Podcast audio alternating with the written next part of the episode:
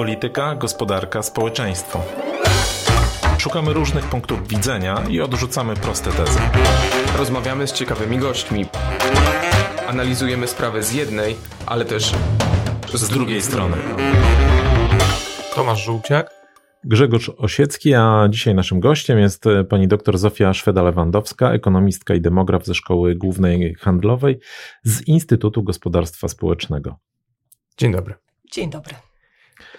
Jako, że e, za nami Dzień Kobiet, e, chcielibyśmy porozmawiać o pewnych e, faktach i mitach, które narosły wokół tego tematu, zwłaszcza jeżeli, jeżeli chodzi o sytuację kobiet na przykład na rynku pracy, czy może jeżeli chodzi o kwestie wynagrodzeń i tego, w jaki sposób postrzegamy seniorki no sporo mamy wrażenie narosło pewnych właśnie mitów, więc e, chcielibyśmy się rozprawić e, e, z nimi i zapytać Panią o kilka takich chyba najbardziej drażliwych i istotnych kwestii. I spróbujmy tak po kolei spojrzeć na tę listę tych spraw i zobaczyć, na ile tutaj mamy do czynienia faktycznie z, z, takimi obiektywnie prawdziwymi informacjami, a na ile z jakimiś stereotypowymi przekonaniami. I pierwsza taka kwestia, która się nasuwa, no to jest takie, no właśnie, fakt lub mit dotyczący słabej aktywności zawodowej kobiet. Mamy takie dane Eurostatu za trzeci kwartał z roku 2022 i tam jest mowa o tym, że współczynnik y, aktywności zawodowej y, poprawiał się w Polsce i wyniósł on 78,8%, y, podczas gdy dla całej Unii Europejskiej ta, te, ten, ten współczynnik wynosi no już prawie 80%, 79,4%. Mm, więc wydaje się, że jest dobrze, choć no, tak naprawdę kwalifikuje nas to dopiero na 21 miejscu wśród państw członkowskich E, w całej wspólnocie. Z kolei dla kobiet ten współczynnik wyniósł 72,1% i był nieco niższy niż ta średnia unijna wynosząca 74%, więc tutaj taka trochę gorsza e, informacja. No to jak to jest z tą, e, z tą aktywnością? Czy, to, czy te statystyki są, pozwalają patrzeć optymistycznie na sprawę, czy, czy tak nie do końca? myślę, że pozwalają bardzo optymistycznie patrzeć na sprawę, ale myślę, że to jest kwestia też tego, że zmieniła się sytuacja demograficzna w ogóle w Polsce. Jako starzejąca się populacja potrzebujemy rąk do pracy i wtedy sięgamy po zasoby, które do tej pory nie były wykorzystywane w tak dużym stopniu. No i się okazuje, że faktycznie kobiety są tym rezerwuarem też siły, siły roboczej. I to bardzo wyraźnie też widać to, o czym Pan mówił, czyli w takim szeregu czasowym, na przykład zatrudnienie kobiet jeszcze w 2012 roku to było niespełna 56% z kobiet w wieku 20-64 lata było zatrudnionych. A w tej chwili już mamy 68%. Aktywność zawodowa jest oczywiście wyższa, tak jak, tak jak pan wspomniał, pan redaktor, dlatego że tam również patrzymy na osoby bezrobotne. W związku z czym polepsza się sytuacja, natomiast pytanie jest takie, co jeszcze możemy zrobić, żeby te, ten bo widać, że nadal ten odsetek nie, niepracujących, czy też w ogóle nieaktywnych, czy też niezatrudnionych jest nadal dosyć spory. No to, to, pytanie ja, to ja odwrócę pytanie. To, to dlaczego te e, no, prawie 40%, 30 parę procent nie jest aktywnych zawodowo? Mm, duża część to jest, to jest wynik na przykład kwestii macierzyństwa i tego, w jaki sposób mamy zapewnioną opiekę nad dziećmi i czy mamy w ogóle możliwość powrotu do pracy. To jest też oczywiście ta kwestia, ale to jest również kwestia e, aktywności w wieku okołoemerytalnym, czyli kwestia pewnych stereotypów, które mogą mieć pracodawcy, na przykład związanych z tym, e, e, że starsze osoby są mniej efektywne, czy też starsi pracownicy częściej chodzą, chodzą na zwolnienia. Jeszcze niedawno mieliśmy taki zwyczaj w wielu firmach, gdzie pracowników wieku przedemerytalnym, kiedy wchodziła tak zwana ochrona przedemerytalna, po prostu zwalniano, żeby potem nie mieć w cudzysłowie kłopotów, tak? Tak, natomiast też widzimy, że, że, że ta aktywność zawodowa i zatrudnienie w tych osób w wieku przedemerytalnym też się zwiększa, ale myślę, że tutaj jest jeszcze duże, duże pole do, e, do działania. Przede wszystkim też myślę o władzach publicznych, to znaczy o, o zmianie pewnego właśnie stereotypu związanego z, z tą starością. Kobietom jest tutaj trochę trudniej niż, niż mężczyznom jednak. Mamy więcej stereotypów narosłych, w, w, w, jeżeli chodzi o kobiety. Natomiast to też jest kwestia właśnie macierzyństwa i kwestia obowiązków um, opiekuńczych opiekuńczych, ale ja bym też spojrzała na to z dwóch stron, to znaczy obowiązki opiekuńcze w stosunku do dzieci, ale również w stosunku rodziców, do tak. starzejących tak? się rodziców. Tak.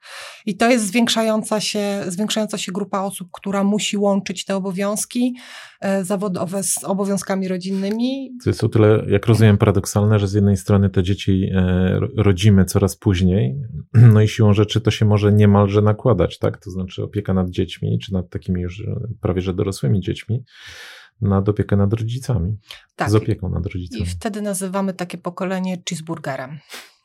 Tak, czyli y, ci, którzy są aktywni na rynku pracy, powinni być aktywni, są jednocześnie obłożeni z góry i z dołu y, kanapką opiekuńczą, czyli y, albo swoimi dziećmi, albo i tak, raczej i powinno być tutaj swoimi rodzicami, albo też częściowo swoimi dziadkami na przykład. E, no i tutaj duża rola państwa, polityki publicznej przede wszystkim w umożliwieniu i łagodzeniu konsekwencji wynikających z tego, że te role trzeba łączyć, no bo one są łączone kosztem najczęściej czasu wolnego tej osoby. To mhm. znaczy ona w ogóle nie ma czasu wolnego, albo musi na przykład częściowo zrezygnować z zatrudnienia, przejść na część etatu, albo podejmować jakieś formy niestandardowe, tak, umowy zlecenia, które dają jej większą elastyczność czasową.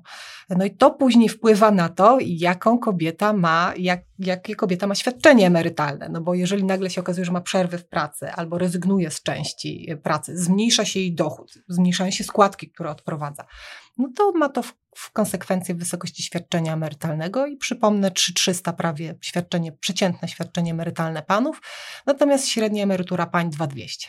No oczywiście tam jeszcze dochodzi kwestia tych pięciu lat różnicy, tak? No ona też robi dużą różnicę, ale to prawda, pewnie te statystyki, o których pani mówi, może być jeszcze widać, jakby się wzięło e, podział emerytur na przykład tych groszowych, tak? Czy no, no tak. tam, gdzie ludzie nie są w stanie uzyskać nawet minimalnej emerytury, bo na przykład nie mają stażu emerytalnego. O, myślę, że to jest duży problem przede wszystkim tych osób, które w latach 90. były aktywne i, i tam gdzie bezrobocie sięgało prawie 20%, to to są konsekwencje osób pracujących w szarej strefie. Tak? Mhm. Myślę, że to też jest istotne i to też często dotykało właśnie, właśnie kobiet. Na pewno 5 lat robi różnicę.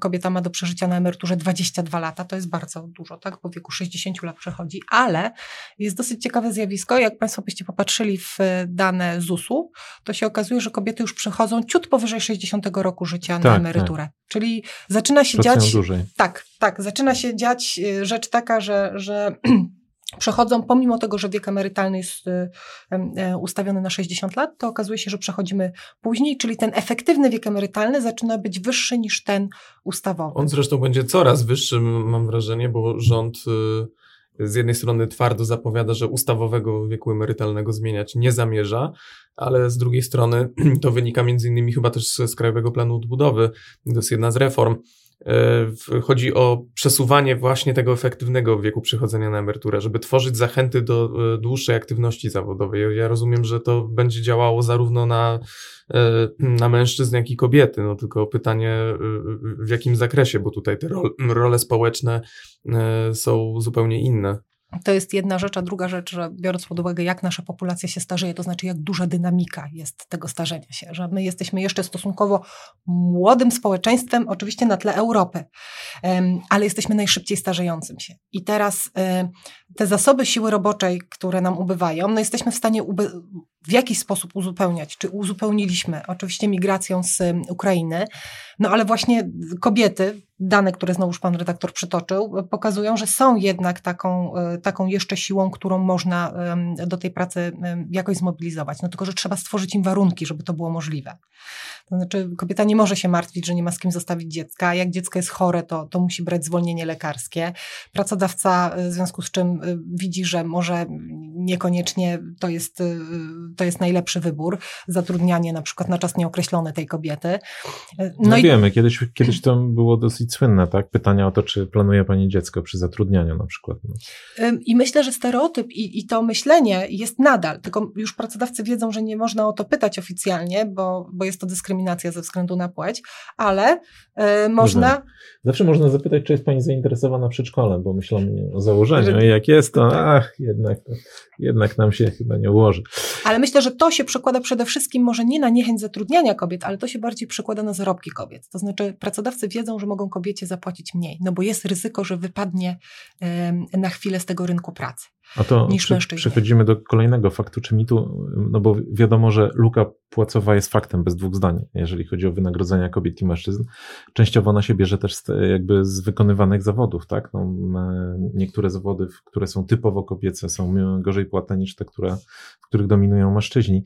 Ale jak my wyglądamy generalnie, jeżeli chodzi o lukę płacową na, e, na tle Unii? Bo wydaje się, że akurat całkiem nieźle, ale co zrobić, żeby było lepiej? Ja tylko może doprecyzuję to, co Grzegorz mówi. Według Eurostatu Polska zajmuje piąte miejsce na 27 krajów unijnych, jeżeli chodzi o najniższą różnicę w zarobkach pomiędzy mężczyznami i kobietami. Myślę, że, są, że, że tutaj są e, dwie kwestie. Że luka płacowa jest oczywiście liczona dla osób, e, które mają podobny staż pracy albo prawie taki sam staż pracy, wykształcenie i w tych samych dziedzinach. Tak? Więc nie, nie możemy porównywać przedszkolanki z mhm. na przykład specjalistą z branży IT. To jest, to jest jedna rzecz. Ta luka, ona się zmniejsza, ale proszę zobaczyć, że ona w ogóle występuje we wszystkich. Znaczy nie ma takiego kraju w Europie, ani takiego kraju na świecie, w którym nie byłoby, nie byłoby takiej luki. E, coś, co ciekawego ciekawego się zadziało na przykład w czasie kryzysu finansowego, to się okazało, że ta luka się bardzo zaczęła zmniejszać w niektórych krajach na skutek tego, że e, kobiety były częściej zatrudniane w sektorze publicznym, w związku z czym nie podlegały zwolnieniom i redukcji na skutek problemów z, z gospodarczych, a panowie tak. I to, I to wtedy ona na przykład też się zaczęła zmniejszać. Natomiast e, myślę, że tutaj problemy i kwestie są dwie, to o czym pan redaktor powiedział o tych branżach, to znaczy dlaczego my wyceniamy branże, w których dominują kobiety słabiej niż branże, w których dominują dominują mężczyźni. Znaczy, dlaczego uważamy, no, że przedszkolance... czy, czy rynek? Jak to jest właśnie? No chyba my jako społeczeństwo, no bo jeżeli mhm.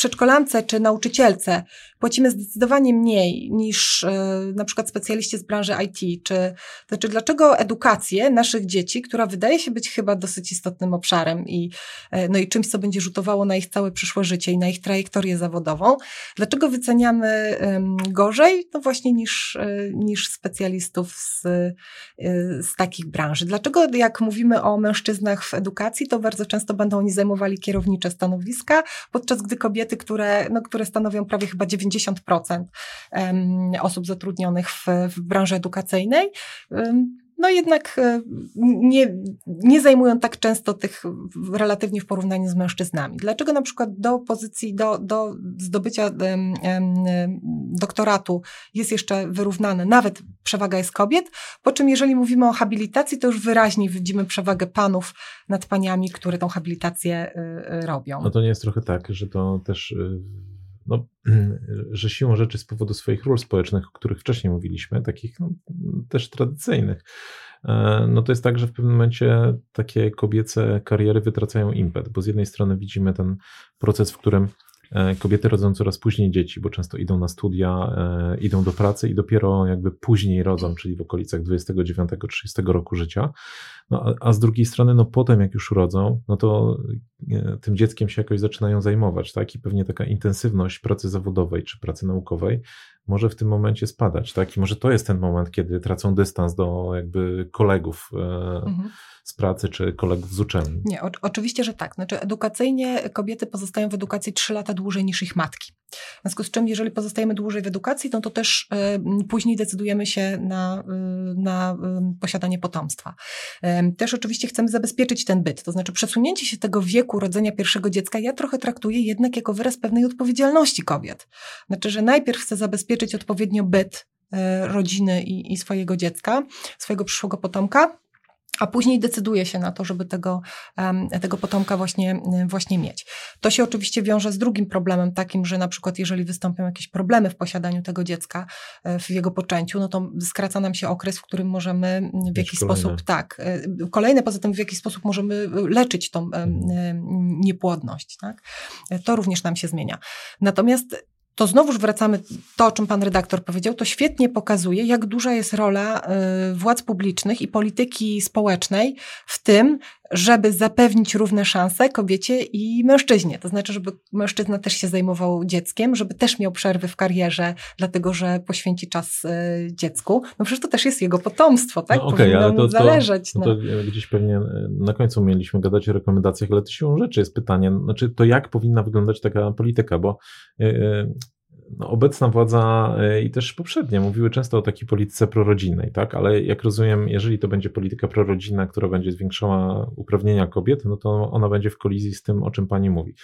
Więc, mm, ale co, to z drugiej strony przymus, to znaczy co, zmuszać e, e, rodzin, nie wiem, ojców, żeby brali połowę urlopu rodzicielskiego. Jak, to rozegrać, tak? Znaczy, Jakimi mechanizmami? No? Jeżeli, jeżeli pyta mnie pan redaktor osobiście, to ja uważam, że tak, że, że faktycznie część, e, część tego urlopu powinna być zarezerwowana tylko dla panów i jeżeli panowie z niego nie skorzystają, to ten urlop e, powinien przepadać. No bo znaczy, dzisiaj jest ojcowski, tak? Ale to jest symboliczny, bo to są dwa tygodnie, tygodnie de tak. facto. Tak. Tak, ale y, wydaje mi się, że to jest jedyna, znaczy trzeba zmienić, oprócz, oprócz, takiej, oprócz takiej zmiany ustawowej, trzeba też zmienić, no, musi też się na, nastąpić pewna zmiana kulturowa, czyli ci ojcowie muszą być bardziej zaangażowani. My już widzimy, jak dużo ojców jest zaangażowanych.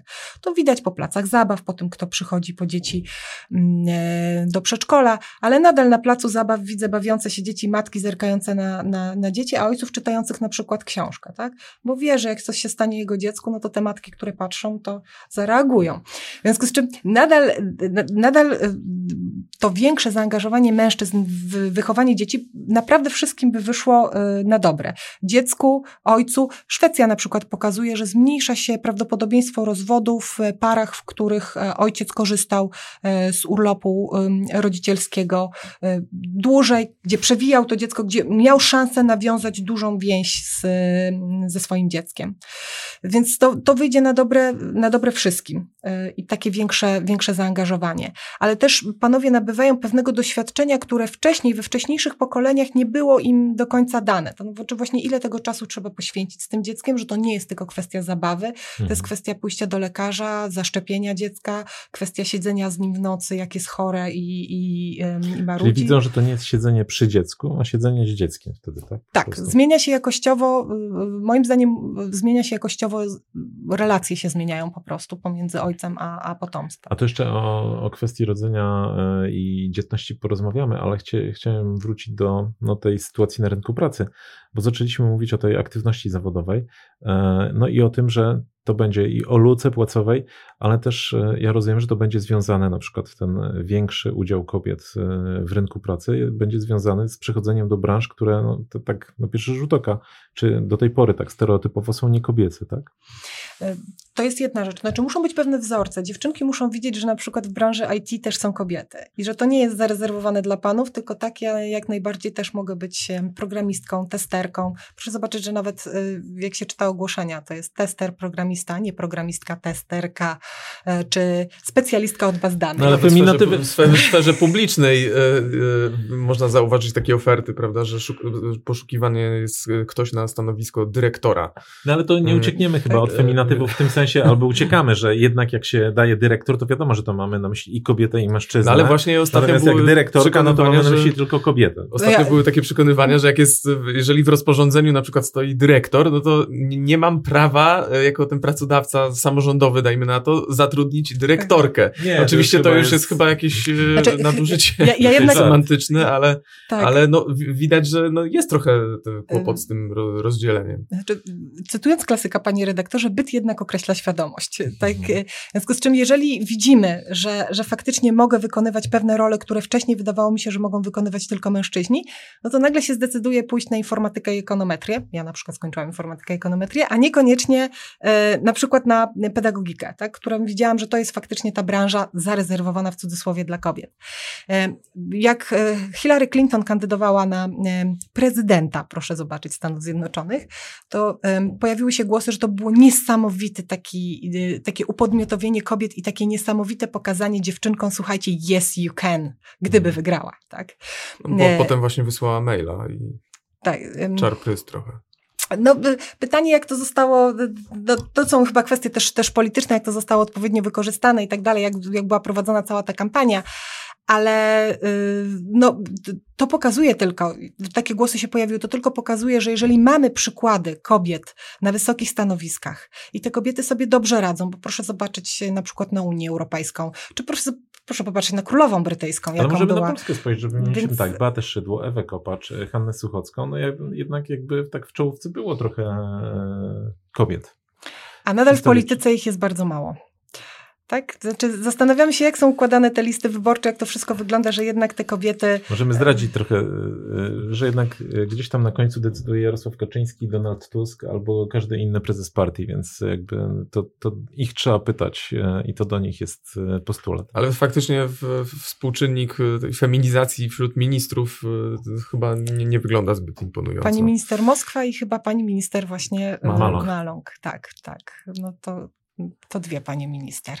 E, także faktycznie nie jest, no, no to automatycznie też pokazuje, mm, pokazuje dziewczynkom, które, które branże, które, które zawody są dla nich zarezerwowane, co mogą, na co mogą sobie pozwolić, na co nie. Czy, jest, czy, czy w ogóle można podejmować, tak? Też im pokazuje, czy w ogóle można podejmować e, jakieś działania w kierunku na przykład bycia, zaistnienia w tej branży, zrobienia tam kariery, jeżeli się okazuje, że tam prawie w ogóle nie ma kobiet. To może to nie jest zawód dla mnie. E, tymczasem okazuje się, że coraz więcej dziewczynek studiuje, e, czy, czy dziewczyn studiuje informatykę, coraz więcej dziewczyn pojawia się tych w branżach IT, w branżach technologicznych, technologicznych. Coraz częściej zachęcamy dziewczynki do tego, że tak, matematyka to też jest coś, co, co jesteś w stanie ogarnąć i to całkiem dobrze i wcale nie gorzej niż twój kolega. Także też, też e, to, się, to się zmienia i uważam, że to też bardzo dobrze, bo tak jak mówię, no jeżeli mamy taką sytuację na rynku pracy i takie zmiany demograficzne, no to nie unikniemy tego, że, że po prostu trzeba będzie również te kobiety angażować w branże, które do tej pory, znowuż w cudzysłowie, były zarezerwowane dla panów. A może, a może w takim razie kwestia pracy zdalnej jest jakoś od, przynajmniej częściową odpowiedzią na, na, na, te wyzwania związane z macierzyństwem, przerwą e, w, w karierze zawodowej. E, może to, to, to, to nie jest remedium medium na wszystkie e, bolączki ale może, może jest to jakoś do pogodzenia. Znaczy, mój problem z pracą zdalną w takiej sytuacji polega na tym, że uważam, że trudno pogodzić pracę zdalną z opieką nad dzieckiem. A tutaj jest takie y, ukryte założenie, że jeżeli będę miała pracę zdalną, to jednocześnie będę się opiekować dzieckiem. No nie, jeżeli pracuję, to ktoś inny musi się tym dzieckiem zająć. Czyli oczywiście praca zdalna może mi ułatwić na przykład odprowadzenie dziecka do przedszkola, tak, i mogę zacząć y, trochę później. Przedszkole mam na przykład gdzieś blisko, w związku z czym nie muszę dojechać do pracy, nie muszę tego czasu tracić, nie muszę podzielić tego pracy te, tego czasu na odprowadzenie dziecka do przedszkola, a później swój dojazd do pracy. Niemniej jednak, jeżeli mówimy o samej, samym wykonywaniu obowiązków, no to jeżeli je wykonuję, to nie opiekuję się jednocześnie dzieckiem. Znaczy nie jestem w stanie przygotować obiadu, nie jestem w stanie się z nim w tym momencie pobawić. E, co mu mogę włączyć? Telewizor albo komputer, tak? No tak, bajki. Chyba, tak, Wiem, ćwiczyłem to. Ale popieram Panią absolutnie. Praca zdalna i małe dzieci to jest y, jakby, nie mają się ze sobą dobrze. Musi być zapewniona opieka w tym czasie przez, przez inną trzecią osobę. No na przykład może być y, partner na urlopie macierzyńskim, bo przypomnę Państwu, że urlopem macierzyńskim też się można podzielić z, y, z partnerem. I on wtedy jest na urlopie macierzyńskim, pobiera zasiłek macierzyński. A to jeszcze chciałem wrócić do tej kwestii, bo rozmawialiśmy o tych branżach, w których kobiety mogą, e, które mogą być dla, dla nich polami ekspansji, ale jeżeli chodzi o takie fakty społeczne, i to nie jest żaden mit, a to jest fakt, to to jest e, faktem to, że kobiety są przeciętnie lepiej wykształcone niż e, mężczyźni. I teraz tak, na ile to jest dobrze, a na ile to jest źle? Jakie są konsekwencje? Oczywiście dla, dla rozwoju kapitału ludzkiego w Polsce no to świetnie, że, że się kształcimy. 50% pań w wieku 20, 60, 34 lata, przepraszam, e, legitymuje, legitymuje się wykształceniem wyższym, tylko 31% panów. Mm, natomiast e, to powoduje również taką sytuację, w której trudno się, trudno się na przykład dobrać pod względem partnera życiowego. To znaczy, panie, tradycyjnie mamy, mamy zakonotowane i tak jesteśmy socjalizowani, że uważamy, że partner powinien być w hierarchii społecznej, w, na drabinie społecznej trochę wyżej od swojej partnerki. I tak próbujemy się dobierać. No więc w związku z czym y, kobieta, która jest dobrze wykształcona, która na przykład y, ma doktorat, no będzie jej trudno się związać z panem, który jest na przykład, y, legitymuje się wykształceniem zasadniczym, na przykład. My to nazywamy syndromem harwardzkim, czyli taka sytuacja, w której kobieta jest bardzo dobrze wykształcona i ma trudności ze znalezieniem partnera, to, to, moim zdaniem to jest z dwóch stron. To znaczy, kobieta ma problem ze zdecydowaniem się na kogoś, kto, kto, kto, kto jest dużo gorzej wykształcony, ale też panowie dużo gorzej wykształceni nie będą e, próbowali takich partnerek szukać. To znaczy, będą się obawiali, o czym będziemy Będą strymowani, tak. mówiąc najkrócej, życiowo, tak? tak? Tak, tak. W związku z czym moim zdaniem problemem nie jest to, że mamy taki wysoki odsetek kobiet z wyższym wykształceniem. Problemem jest taki, że mamy panów e, z wyższym wykształceniem taki niski odsetek. To też, proszę zobaczyć, że to też wpływa później na pewną frustrację, bo nagle się okazuje, że, że, że osoba obok mnie, koleżanka obok mnie dostaje lepszą pracę, e, dostaje lepsze zarobki. Dlaczego? No dlatego, że jest po prostu ma lepsze kompetencje niż ty. A przecież zawsze było tak, że to ja, że, że, mężczyźni byli szefami, mężczyźni wykonywali te lepiej płatne prace, mężczyźni byli tymi breadwinnerami, czyli przynosili największe, przynosili główny dochód, byli głową gospodarstwa domowego, jak to ładnie GUS mówi, tak? Czyli ta osoba, która przynosi najwyższy dochód gospodarstwa domowego. A teraz te role często się zaczynają odwracać. A to na ile to jest proces jakby taki do do odwrócenia, to znaczy no, nie mówię o wykształceniu kobiet, ale mówię o tym, żeby, żeby nie nastąpił, żeby przezwyciężyć e, te negatywne efekty tego zróżnicowania, bo my je widzimy też terytorialnie, tak? Bo na przykład e, więcej kobiety lepiej wykształcone, jest ich więcej w większych miastach, faceci są częściej, jest ich więcej na prowincji. To jakby jeszcze oprócz tych barier takich e, z wykształceniem dochodzą do tego no, bariery związane z odległością. Tak, gdzie po prostu się fizycznie spotkać w ogóle. E, no to jest problematyczne, dlatego że kobiety wyjeżdżają z mniejszych miejscowości, czy też wyjeżdżają z obszarów wiejskich, bo to tradycyjnie, znowuż tradycyjnie to e, mężczyzna dziedziczy e, gospodarstwo rolne i on zostaje na tej roli. No i nie ma nawet gdzie się fizycznie spotkać, czyli nie mamy z jednej strony nie mamy za bardzo o czym ze sobą porozmawiać, z drugiej strony nie mamy punktu jakiegoś takiego fizycznego, żeby się ze sobą spotkać. No to pytanie jest oczywiście takie, czy można zachęcać panów do tego, żeby jednak i, i prowadzić jakieś programy, które wpłyną na to, że panowie będą też częściej zachęcani do studiowania do, do, do tego, żeby na te obszary też się przenosić. E, i żeby, żeby ten rynek pracy, na przykład rynek pracy warszawski jest bardzo chłonny, tak? I nadal, nadal mhm. tutaj jest potrzeba rąk do pracy. To jest, to jest jedna rzecz, którą, którą można robić. Natomiast no oczywiście też pytanie, jak w drugą stronę jednak zachęcić część tych kobiet, żeby faktycznie się zainteresowały panami z mniejszych, e, z mniejszych miejscowości i żeby się zdecydowały przenieść, tak? No tylko, że duże miasto jest bardzo atrakcyjne, e, jeżeli chodzi o życie, jeżeli chodzi o, o zagospodarowanie czasu wolnego, no i konkurencja konkurencja mniejszego miasta czy też obszaru wiejskiego jest tutaj no, praktycznie żadna. A to no, musimy do, do, tego zmierzać, bo jak to się przekłada na, na to, że polska kobieta jest coraz mniej matką? Jakby, co o tym decyduje? Bo mówiliśmy o tym, że y, rodzą dzieci coraz później, ale, ale co jeszcze tutaj gra? Ja myślę, że to oprócz, oprócz oczywiście kwestii związanych z e, rynkiem pracy, kwestii związanych z dostępem do mieszkań, e, kwestii związanych z, z partnerem życiowych, życiowym, to też są również pewne zmiany światopoglądowe. Znaczy myślę, że dosyć istotną rolą, e, rolę pełni fakt, że pokolenie wychowane, osób wychowanych w latach 90. to są bardzo często już jedynacy. I oni nie mają takiego wzorca, że można mieć rodzinę składającą się z dwóch czy trójki dzieci na przykład. I my nie bierzemy w ogóle pod uwagę zmian kulturowych, które zaszły. E, I to jest też bardzo duża zmiana, która po prostu zadziała się w naszych, w naszych umysłach, w naszych głowach e, i spowodowała, że mm, kwestie rodzicielstwa, czy też kwestie posiadania większej liczby dzieci, no są odkładane na później. Zawsze jeszcze zdążę, będę miała na to kiedyś jeszcze czas. E, teraz jednak inne rzeczy są dla mnie priorytetowe. Plus, tak jak mówię, kwestie wychowania dzieciaków w latach 90. i tego pokolenia, które weszło, które jest zupełnie innym, e, innym pokoleniem niż pokolenia wcześniejsze. Też zabieganych rodziców, którzy nie zawsze dla nich mieli czas, w związku z czym też, okej, okay, nie chcę dziecku fundować tego, co na przykład sam przeżywałem, nie miałem czasu tak cały dzień miałem wypełniony różnymi aktywnościami, ale nie było tam rodziców, e, którzy no jakoś musieli na te aktywności za, e, zarobić. I to jest zmiana, której my której jako społeczeństwo nie dostrzegamy. I nadal mam takie, takie duże wrażenie, że dużo e, e, Dużą wagę przy, przywiązujemy do tych kwestii materialnych, czyli do rynku pracy, dochodów, e, kwestii mieszkaniowych, a pomijamy też te zmiany kulturowe, które, które zaszły. No to można przekonać kogoś, no okej, okay, ty byłeś jedynakiem, ale w sumie fajnie było, jakbyś miał dwójkę dzieci. Co, jak go przekonać? E, e, pytanie, czy. Jego czy, ją, czy tak? Ją, no tak. E, pytanie, czy, czy, czy, jeszcze, czy jeszcze jest to możliwe do, do, do zrobienia, bo wydaje mi się, że dosyć trudno odwrócić takie, takie, że takie zmiany zachodzą, tym bardziej jak ktoś wynikają z pewnego doświadczenia, które, które mamy, to trudno jest to odwrócić, czy przekonać kogoś jakąś kampanią, czy, czy jakimiś zachętami, jakimiś reklamami. Były były takie próby podejmowane, niektóre bardzo kontrowersyjne. E, przypomnę sobie niektóre reklamy skierowane, proszę zobaczyć, że głównie do kobiet. Kiedy my tutaj podjęliśmy w poprzednim wątku, mówiliśmy o tym, że mamy problem ze znalezieniem na przykład partnera i, mhm. i posiadaniem potomstwa ze względu na, na trudności w, znalezieniu partnera życiowego i potencjalnego ojca y, dzieciom, tak?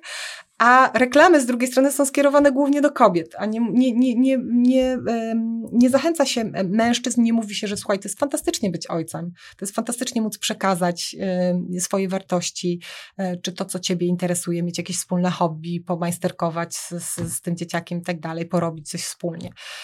No więc myślę, że tutaj jest duży, duża też przyszłość przed, przed panami, tak? Ostatnio w, na polskich ulicach, znaczy ostatnio, no jakiś czas temu już, e, było dosyć dużo takich plakatów, e, taka kampania outdoorowa, gdzie takie bijące po oczach pytanie było stawiane, gdzie są te dzieci?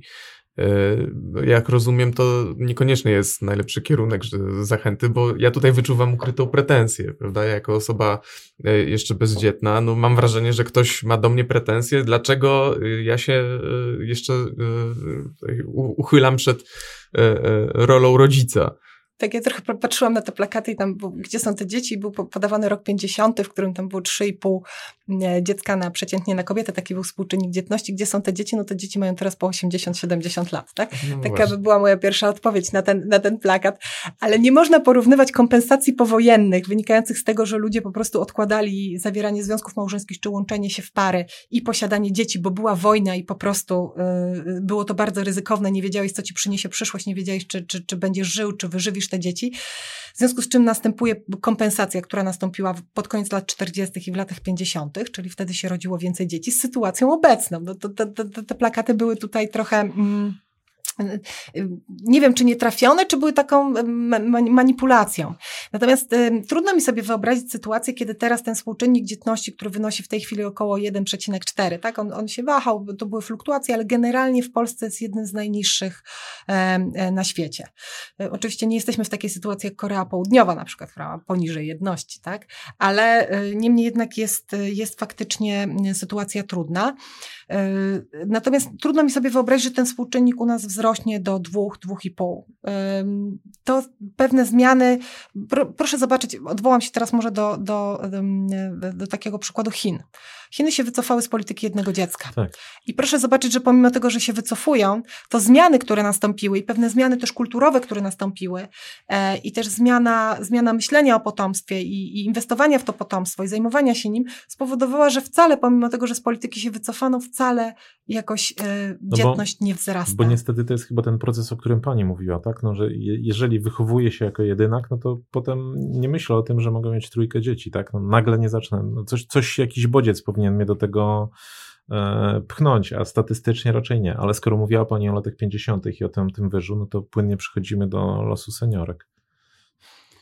Y, przychodzimy i nawiązujemy do tego, co powiedzieliśmy sobie chwilę wcześniej, kiedy rozmawialiśmy o pracy zdalnej.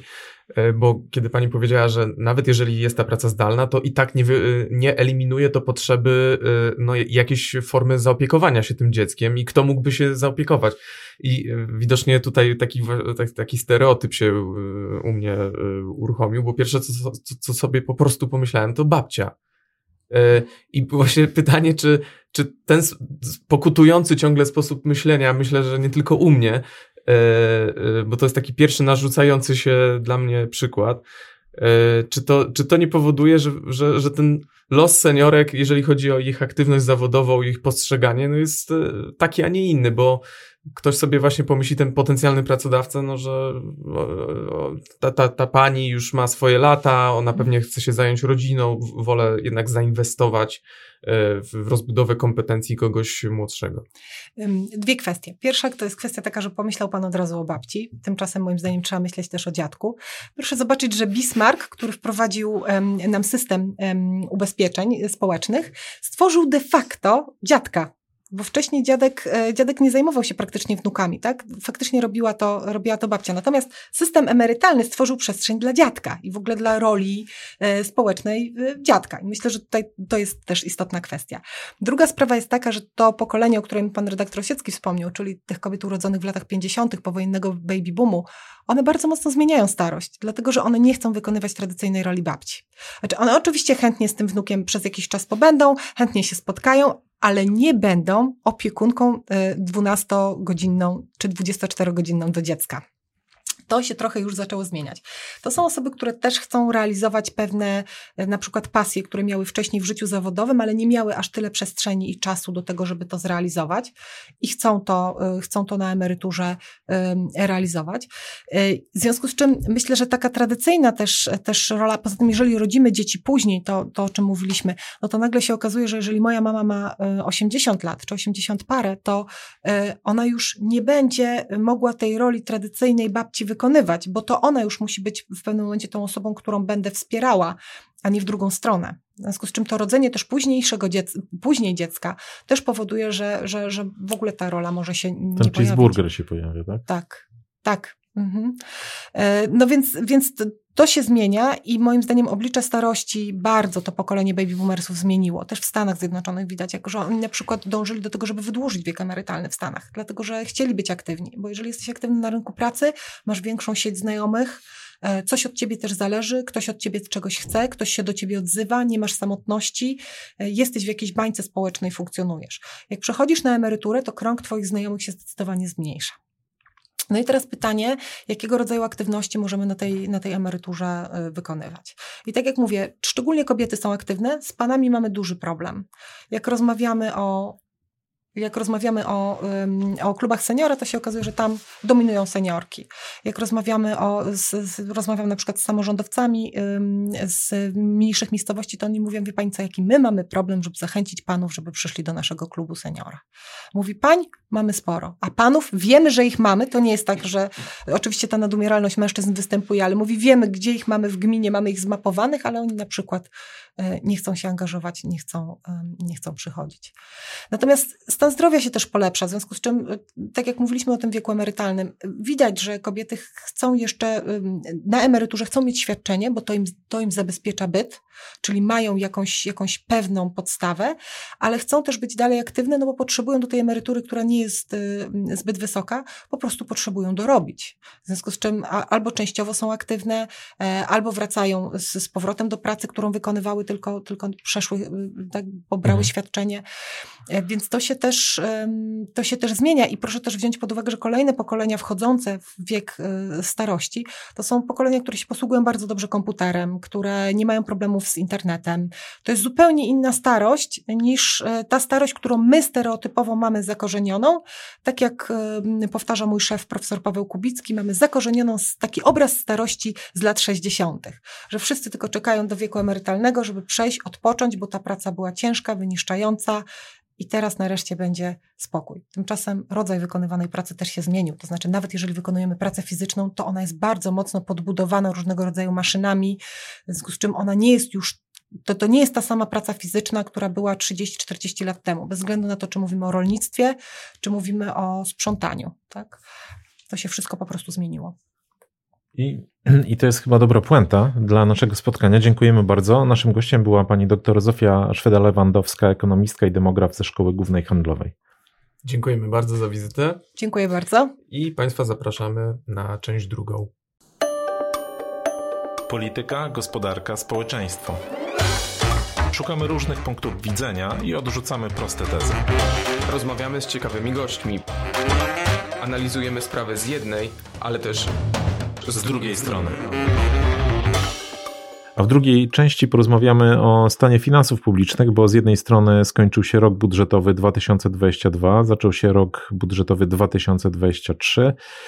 Ostatnio rząd podał dane, z którymi bardzo długo zwlekał, i no, jak na to, co mieliśmy w zeszłym roku, skalę wyzwań, to wyniki są lepsze niż można było oczekiwać bo deficyt budżetowy wyniósł 12 miliardów złotych, a był planowany 30, ale tu zawsze można powiedzieć, że budżet to jest tylko część finansów publicznych.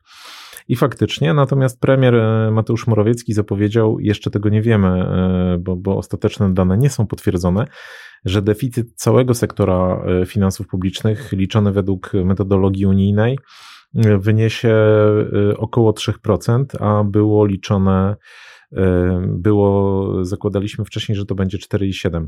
Żeby mieć jakąś skalę porównawczą, to jednego i drugiego, to warto zauważyć, że 1% PKB to jest w tej chwili około 30 miliardów złotych, czyli ten deficyt budżetowy, który mamy po 2022 roku, to jest 12 miliardów złotych, a deficyt całego sektora finansów publicznych, czyli liczonego łącznie z samorządami, ale także z tymi słynnymi funduszami, które są wyłączane z budżetu, to jest e, około 90 miliardów złotych, zgodnie z tym, co mówił premier, czyli jest sporo, sporo wyższe od budżetowego. No tylko pytanie, mm, co dalej i czy rzeczywiście możemy tak w zupełnie obiektywny sposób y, potwierdzić to, co, y, do czego przekonywał nas niedawno premier na konferencji, czyli y, czy możemy mówić o stabilności finansów publicznych, bo no to był e, przez ostatnie miesiące, czy nawet lata taki temat, który e, z jednej strony no, mieliśmy w nim e, rząd, który uspokajał, że wszystko jest w ryzach, że wszystko się zgadza, jeżeli chodzi na przykład o statystyczne ujęcie unijne, że tutaj nikt nie może nam nic zarzucić, a z drugiej strony mieliśmy, no, mam wrażenie, że coraz szersze grono ekonomistów, którzy no, wręcz bili na alarm, uważali, że budżet czy ustawa budżetowa to już jest tak naprawdę fikcja.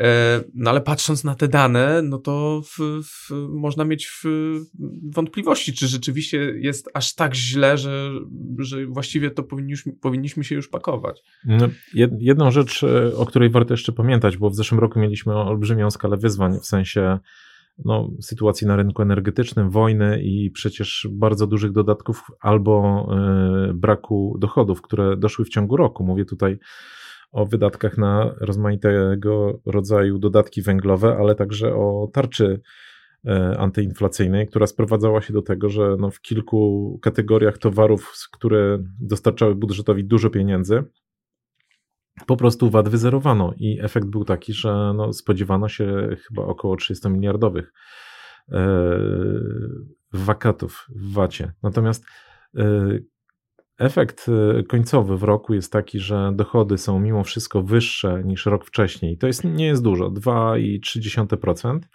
Wydatki są mniejsze niż rok wcześniej, że w budżecie za 2021 rok.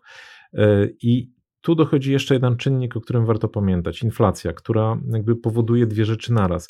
No bo z jednej strony ona tak naprawdę napędza wpływy podatkowe i no ona ewidentnie napędziła także wpływy podatkowe do budżetu i pewnie była jednym z tych czynników, który pozwolił mimo jakby tej złej sytuacji i negatywnych skutków samej inflacji dla wszystkich innych sfer życia, to budżetowi pozwoliła wejść e, całkiem obronną ręką z tej sytuacji z dużymi ubytkami w dochodach i z kolejnymi dużymi wydatkami.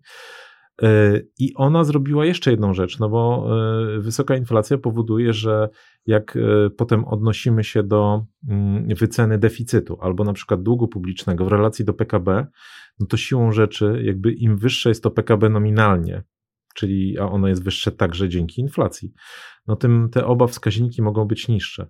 I yy, to jest pewnie jakiś wielki paradoks.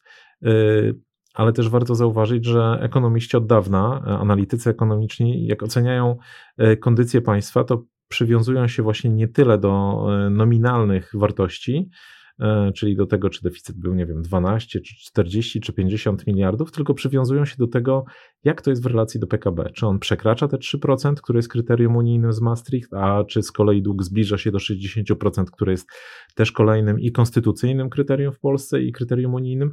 No w przypadku Polski duże PKB napędzane także inflacją spowodowało, było jednym z tych czynników, które jakby e, to zredukowało. I teraz pytanie, jak to oceniać, tak? Znaczy, bo kolejny rok będzie rokiem wyzwań, bo mm, w tym roku minister Rzeczkowska miała premię inflacyjną w budżecie, ale e, w zeszłym roku miała premię inflacyjną w budżecie. W tym roku ta premia jeszcze będzie, ale równocześnie dochodzi, no to już nie jest bonus, a taka trochę punkty karne za waloryzację inflacyjną. Mamy rekordową waloryzację emerytur, która wyniesie 15%, więc jakby sytuacja w finansach publicznych się zaczyna komplikować i pytanie, na ile te całkiem niezłe wyniki zeszłorocznego budżetu będą punktem startowym do tego, co się stanie w tym roku, także w kontekście kampanii wyborczej? No a na to wszystko się nakłada taka zapowiedź y, premiera, która no, w pewien sposób jest zadziwiająca, bo można było odnieść wrażenie, że zaczynamy żyć w Rzeczpospolitej funduszowej. To znaczy na każde wyzwanie, każdy problem, a przecież ostatnie 2-3 lata to jest, to rok po roku rok wyzwań. E, PiS pierwsze co robił, to powoływał fundusz, który pozwalał finansować pewne działania, także te interwencyjne. E, I w pewnym momencie no, trudno było nam już zliczyć, ile tych funduszy powstało, także na skutek polskiego ładu, rozumianego nie tylko jako ta reforma podatkowa. E, no i premier zapowiedział konsolidację. E, pytanie, jaki będzie jej efekt, co obejmie, czego nie obejmie i, i czy rzeczywiście rząd nie będzie miał tutaj nic do ukrycia, bo taka logika się trochę za tym kryje, że skoro mówicie, że jest tak, tak źle, że wypychamy te wydatki poza budżet centralny, no to włączmy to, co możemy, e, jak rozumiem, e, prawie wszystko i mówimy, sprawdzam. Twoim zdaniem uda się premierowi, czy, czy no generalnie niezależnie od tego, kto będzie, kto będzie w przyszłym roku rządził, bo to dopiero od przyszłego roku ta konsolidacja ma, miałaby zafunkcjonować, czy to będzie sytuacja, w której rzeczywiście się nie obudzimy w jakiejś nowej budżetowej rzeczywistości i wszyscy będziemy zaskoczeni. W tym przypadku argumentem za tym, że ta konsolidacja przynajmniej w części się może powieść, jest właśnie to, o czym powiedziałeś, czyli to, że ona będzie dokonana dla następców. E, a, A choćby po nas potop, tak? Nie, nie, nie mówię o tym, że choćby po nas potop, ale po prostu no, łatwiej, yy, łatwiej będzie to zrobić dla kogoś, niż robić to samemu. Dlaczego?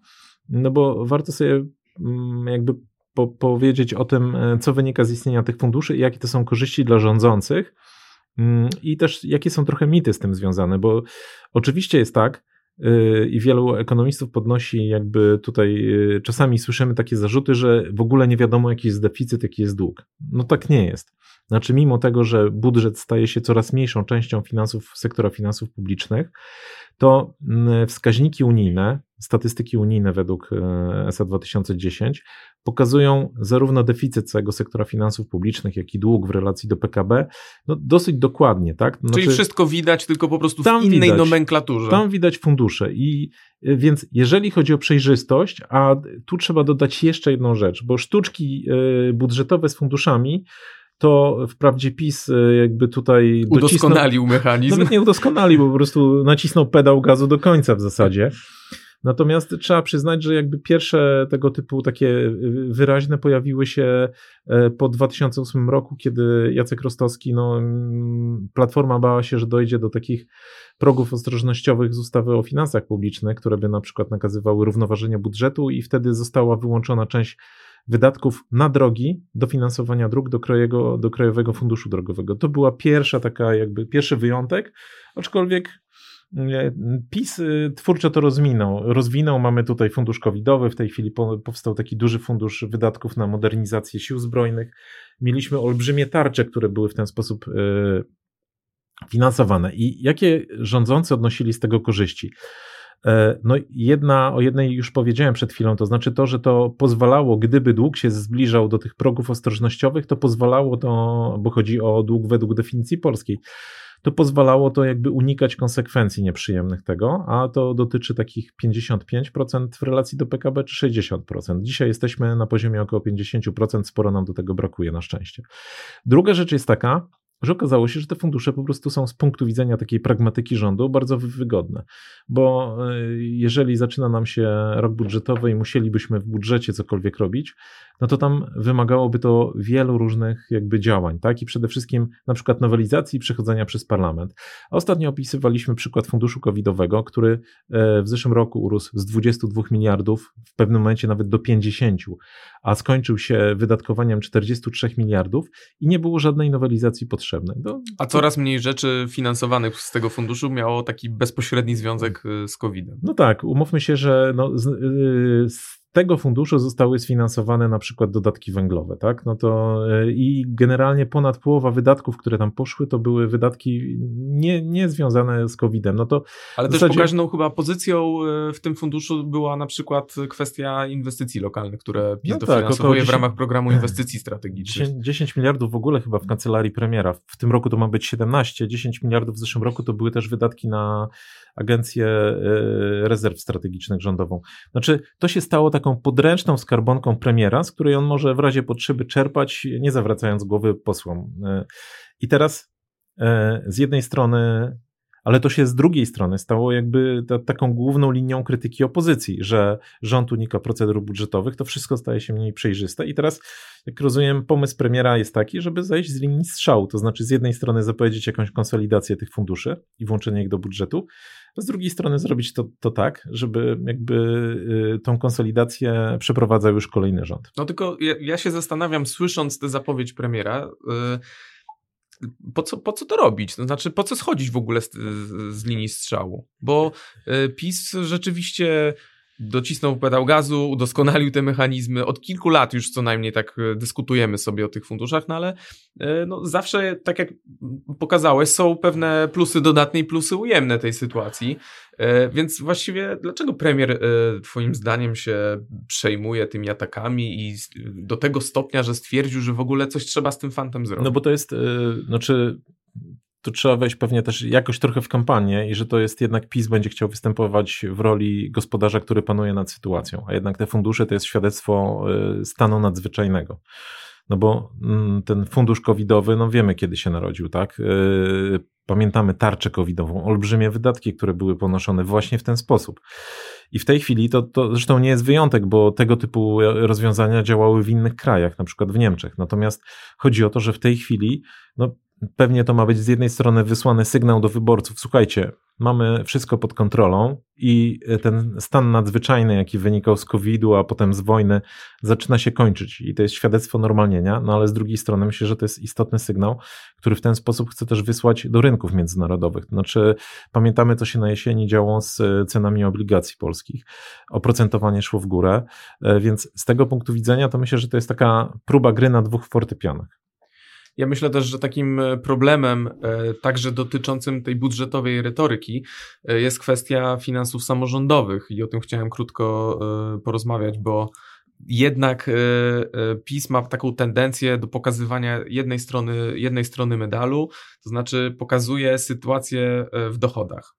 E, no bo rzeczywiście tutaj te wzrosty są imponujące, jeżeli chodzi o dochody samorządów w Polsce. W 2015 roku 199 miliardów w sumie, w 2022 e, roku mamy już 333 miliardy. I tylko, takie, tylko taka też... konstatacja, że jest to historycznie najlepszy wynik budżetów samorządowych. No nie, okay, nie, tylko nie dlaczego nie pokazujemy y, strefy jeszcze wydatkowej? To mnie zawsze zastanawia. Dlaczego pokazujemy tylko tę jedną optymistyczną stronę medalu? No nie no, żeby wypaść dobrze, ale oczywiście tu w tym wszystkim jest jeszcze ukryta w tej beczce miodu taka łyżka dziegciu, która nazywa się zmiany w podatkach, które się wydarzyły po drodze i które oznaczały de facto zmniejszenie e, udziału samorządów e, w podatku, znaczy inaczej, no, kosztem samorządów w pewnej części zmniejszono podatki reszcie obywateli, czyli PIT, bo one miały w tym udział. Wpływy z PIT-u były relatywnie mniejsze, więc gdyby zmian nie wprowadzono, można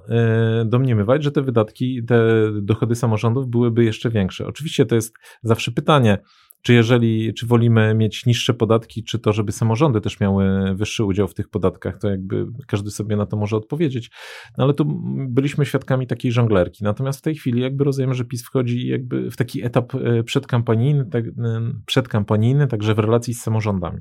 No pytanie, czy tak jak e, wzorem z końcówki roku 2021 czy końcówki 2022 PiS znowu zdecyduje się z nienacka zaskoczyć samorządy jakimś pokaźnym, jednorazowym transferem z budżetu, bo przecież to było ostatnim razem prawie 14 miliardów złotych, które poprawiło wyniki budżetów lokalnych.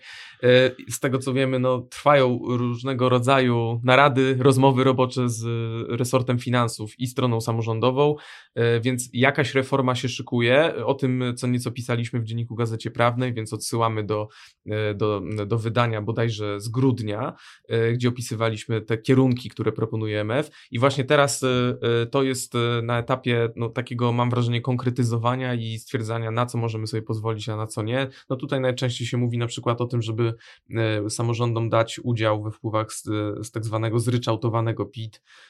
No i niewykluczone, że od przyszłego roku tak się rzeczywiście stanie i te tendencje, o których Grzegorz mówiłeś, czyli stopniowe ujmowanie tych dochodów własnych, a dosypywanie pieniędzy pochodzącymi z budżetu państwa, no gdzieś tam się może to zacznie równoważyć. Miejmy taką nadzieję, no bo jednak wolimy chyba samorządy, które są aktywne, niż samorządy, które E, będą po prostu polegały na e, transferach.